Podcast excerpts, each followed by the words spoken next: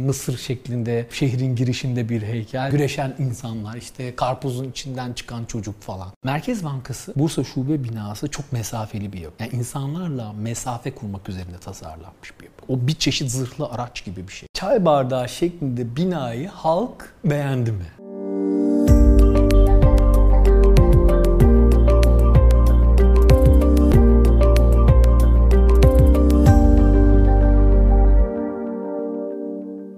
Herkese merhabalar. Ben Tifa, mimar ve yazarım ama bu seride mimar olmayan birinin gözünden mimarlara sorular soracağım. İlk bölümde konuk olarak mimar Ömer Selçukbaz, Yalın Mimarlık e, kurucusuyla birlikteyiz. İlk önce teşekkür ederim Ömer Bey e, katkınız ve katılımınız için. Rica ederim, merhabalar. Merhabalar. E, ilk sorumuzla başlayabiliriz. Mimari öğretimler tüm toplumu etkiliyorken Sizce neden halk mimarlığın dışında kalıyor ve mimarlık sadece mimarları ilgilendiriyor? Ee, şöyle bir şey, bu bir tane e, Maslow'un 1946'da yaptığı bir piramit var. Ee, yani bir insanın hayatını sürdürmesi için belirli katmanlarda gerçekleştirmeleri hayatında sağlamış olmasını bekliyorsunuz aslında. Ee, onlardan en başlangıçtaki aslında yani yeme içme, işte barınma, işte ondan sonra bir yere ait olma vesaire. Galiba mimarlık ve mekana dair olan daha gelişmiş bir istek ve talep. Yani insanların önce barınma ihtiyaçlarını, beslenme ihtiyaçlarını karşılamış olması gerekiyor ve mimarlık aslında biraz daha bu piramidin en üst e, kısmında kalıyor. Dolayısıyla böyle toplum tarafından tam anlamıyla bütün cephelerinden talep edilen bir ihtiyaç olarak görünmediği için de aslında bizim gibi biraz daha e, ekonomik ve sosyal açıdan ve kültürel açıdan belirli donanımları olsa da bu talepler biraz daha geri planda kalıyor ve e, bununla ilgili ihtiyaçlar tam bizim hayal ettiğimiz, tam mimarlık eğitimi boyunca öğrendiğimiz talepler olamıyorlar. E, peki sizin mimarlığınız e, nasıl bir konumda bu çerçeveden baktığımız zaman? Yani şöyle bir şey var.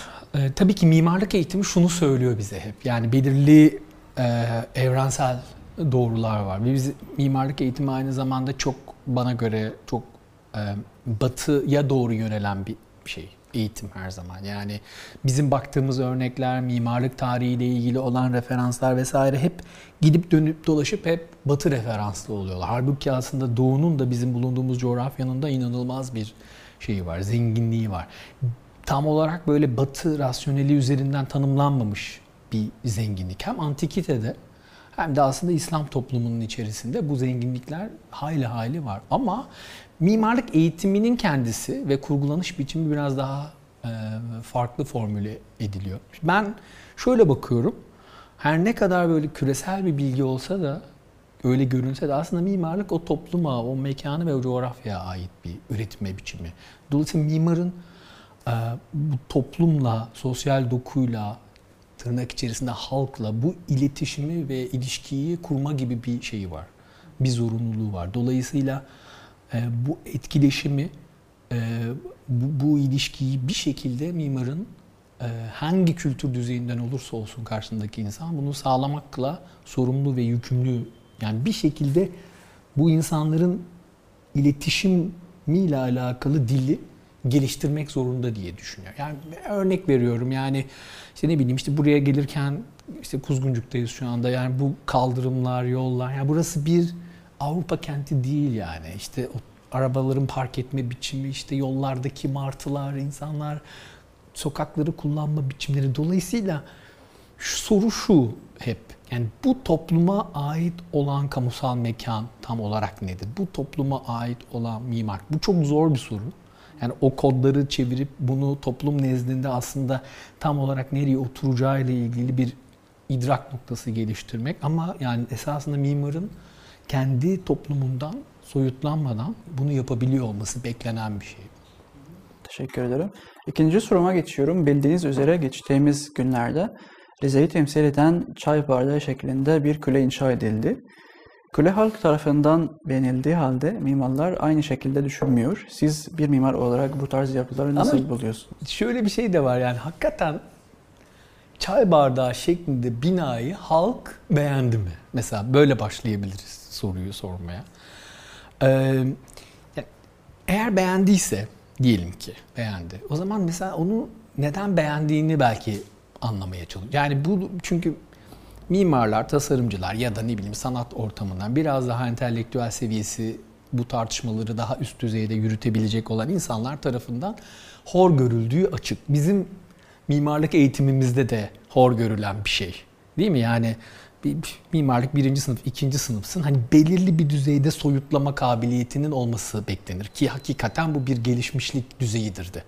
Öyle tarif edilir. Yani e, ne bileyim bir balık lokantasını balık şeklinde yapmazsın. İşte ne bileyim Rize'desin diye çay bardağı şeklinde bina yapmazsın. Ama esasında bu deminki temel ihtiyaçlar noktasındaki soruyla ilişkili olduğunu düşünüyorum. Yani e, böyle bir estetik görüşün gelişebilmesi için, daha ileriye gidebilmesi için belirli şeylerin toplumda sağlanmış olmasını beklersin. Yani mimar, sadece çay bardağı şeklinde bina yapıdan bahsetmiyoruz. Aynı zamanda toplumda sanata karşı da, müziğe karşı da, efendime söyleyeyim sinemanın muhtelif alanlarına karşı da benzer bir şey var, yaklaşım var. Dolayısıyla bunun böyle bir algının, böyle bir kavrayışın gelişmesi için e, belirli bir refah düzeyinden yukarıda işte hayatla ilgili belirli kaygıların atlatılmış olması beklenir ki hakikaten böyle bir şeye ulaşabilsen. Yani çay bardağı şeklinde bina neden kötü olsun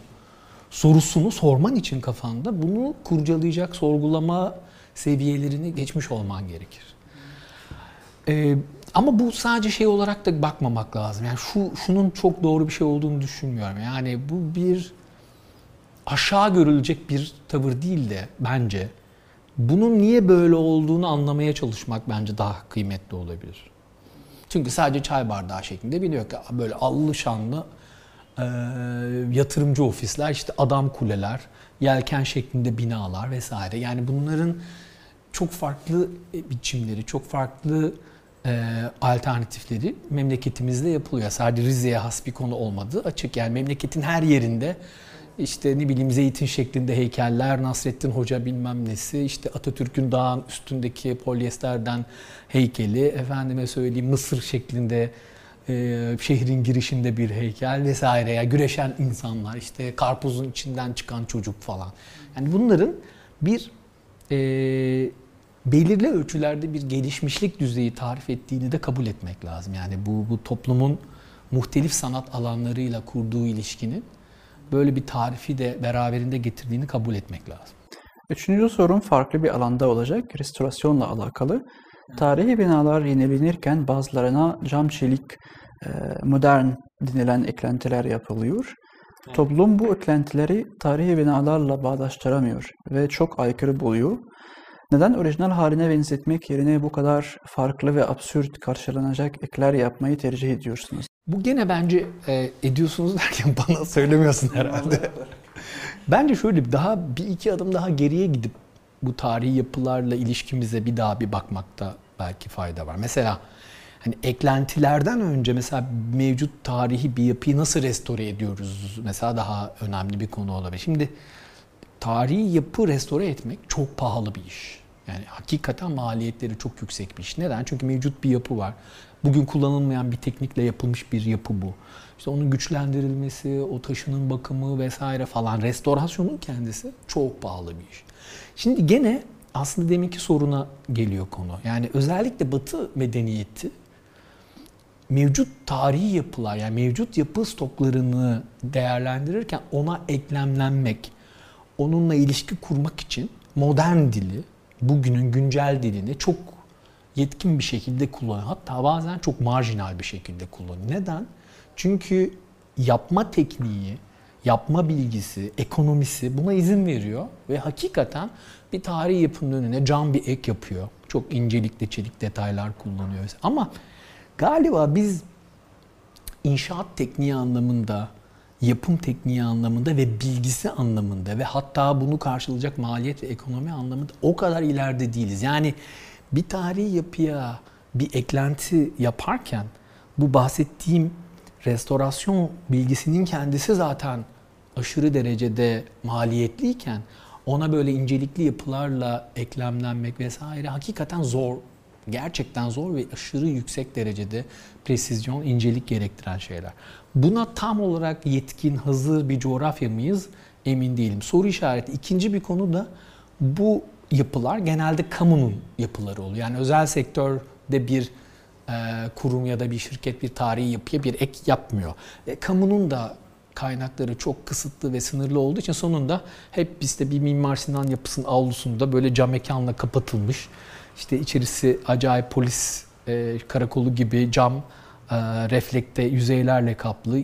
Arkadaki tarihi binayı okuyamadığınız yani batıdaki inceliğiyle işte cam bir cephe yapıp görünmez bir cam cephe yapıp arkasında o tarihi yapıyı okutma niyetiyle başlayıp felaketlere sonuç alan e, sonuçlanan pek çok uygul yani şeyle alakalı olduğunu düşünüyorum. Yani niyet ettiğin şey başka bir şey ama inşaat da öyle bir şey değil. İnşaat çok teknik bir iş, çok pahalı bir iş. Dolayısıyla bu tip komplike eklentileri hata kesinlikle kaldırmıyor ve biz bunu beceremiyoruz. Dolayısıyla halkın tepkisinin buna olduğunu düşünüyorum. Bütün inceliğiyle üretilmiş bir üretim böyle bir tepkiyle karşılanmaz. Anladım. Peki malzemeler üzerine bir sorum olacak. Örneğin beton toplum tarafından soğuk ve katı anlamlar içeriyor. Özellikle brüt beton görüntüsü tamamlanmamış inşaatı halka hatırlatıyor bir nevi. Mimarlar için beton ne anlama geliyor ve neden mimarlar çok seviyor?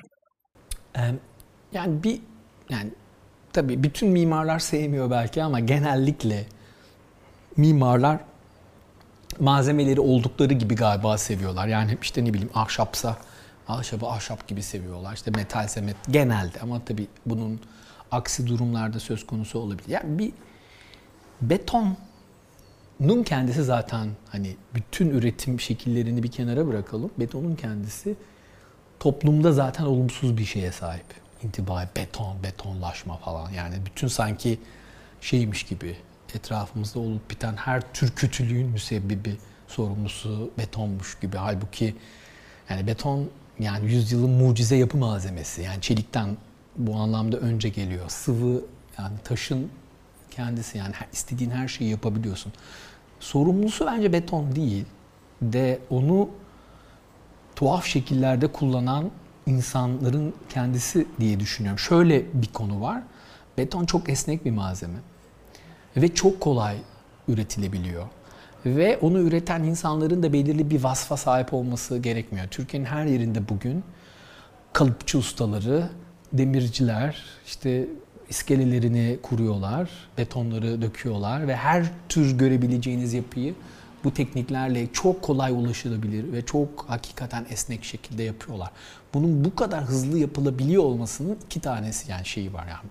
Hem mucize bir yapı malzemesi hem de yanlış ellerde hakikaten yani bütün bu gördüğümüz betonlaşma diye tarif edilen kentleşmenin de aslında sorumlularından bir tanesi. Ama her yapı malzemesi için geçerli olduğu gibi beton içinde çok iyi kullanılırsa yani atıyorum mesela şöyle pek çok eleştiri duydum Troya Müzesi ile ilgili ama içine girenlerin ha ya her tarafta betonmuş yani böyle diyen birisini duymadım daha ben.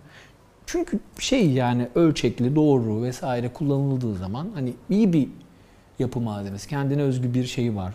Ee, tonu var, dokusu var. Dolayısıyla bence nasıl, nerede, hangi ölçekte ve hangi teknikte kullandığınız daha çok önemli. Doğru. Benim de arkadaşlarım, yani mimar olmayan arkadaşlarım Troya'ya gittikleri zaman hepsi övüyor genelde. Yani şu oluşturduğu ambiyansı gerçekten çok orijinal ve etkili. Ee, yine beton üzerinde bir sorum olacak ama farklı bir projeden size ait e, birincilik ödülü aldığınız Merkez Bankası Bursa Şubesi binasıyla ilgili. Hı hı. Binanın yani şehrin, şehrin merkezinde olduğu için insanlar belki hani taş kullandığınızı beklerdi ama bir e, beton küp olarak algı oluşturmuş bazı insanlarda.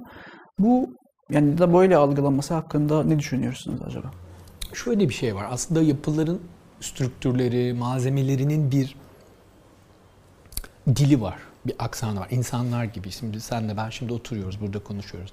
İşte ben elimi kolumu kullanıyorum. Cümlelerde bir tonlamam var. Yani benim bir kurduğum bir dil var. Bu dille iletişim kuruyorum. Yapılar da aynı şeyi yapıyorlar aslında. Yani karşıda bir kilise var mesela. Bak tuğla bir kemeri var, taş bir duvarı var. Yani kendine özgü bir kuzguncuğun bir dokusu var. Yani malzemesiyle, sokağıyla falan. Aynı şey mesela Merkez Bankası, aynı şey Troya Müzesi, aynı şey Zonguldak'taki müze içinde geçerli. Yani bu yapılar etrafındaki insanlarla belirli düzeyde iletişim kurmak. Bazen tasarımcılar bunu iyi kullanıyorlar, bazen de çok kötü kullanıyorlar. Merkez Bankası Bursa Şube binası çok mesafeli bir yapı. Yani insanlarla mesafe kurmak üzerine tasarlanmış bir yapı. Onun öyle sıcak durma gibi bir şeyi yok. O bir çeşit zırhlı araç gibi bir şey. İçinde alt katlarında inanılmaz meblağlarda para, değerli maden var. Sağından solundan zırhlı araçlar e, nakit getiriyorlar. Üst katında da ofis yapıları var. Böyle bir yapının hani çok insanlar için çekici işte gelin ya lütfen işte burada çok da kamusal bir alan demesini beklemiyoruz. Zaten istediğimiz şey tam olarak o. Yani benden biraz uzak dursan iyi olur. Mesafeli insanlar vardır ya böyle biraz hani yani çok da böyle gelip böyle konuşmak için şey yapamazsın. E, yanaşmakta zorlanırsın. Öyle bir hali var. Yani biraz mesafe istiyor yapı. Dolayısıyla o da bunun onun kurduğu dil aslında. Yani o öyle konuşmak istiyor. Anladım.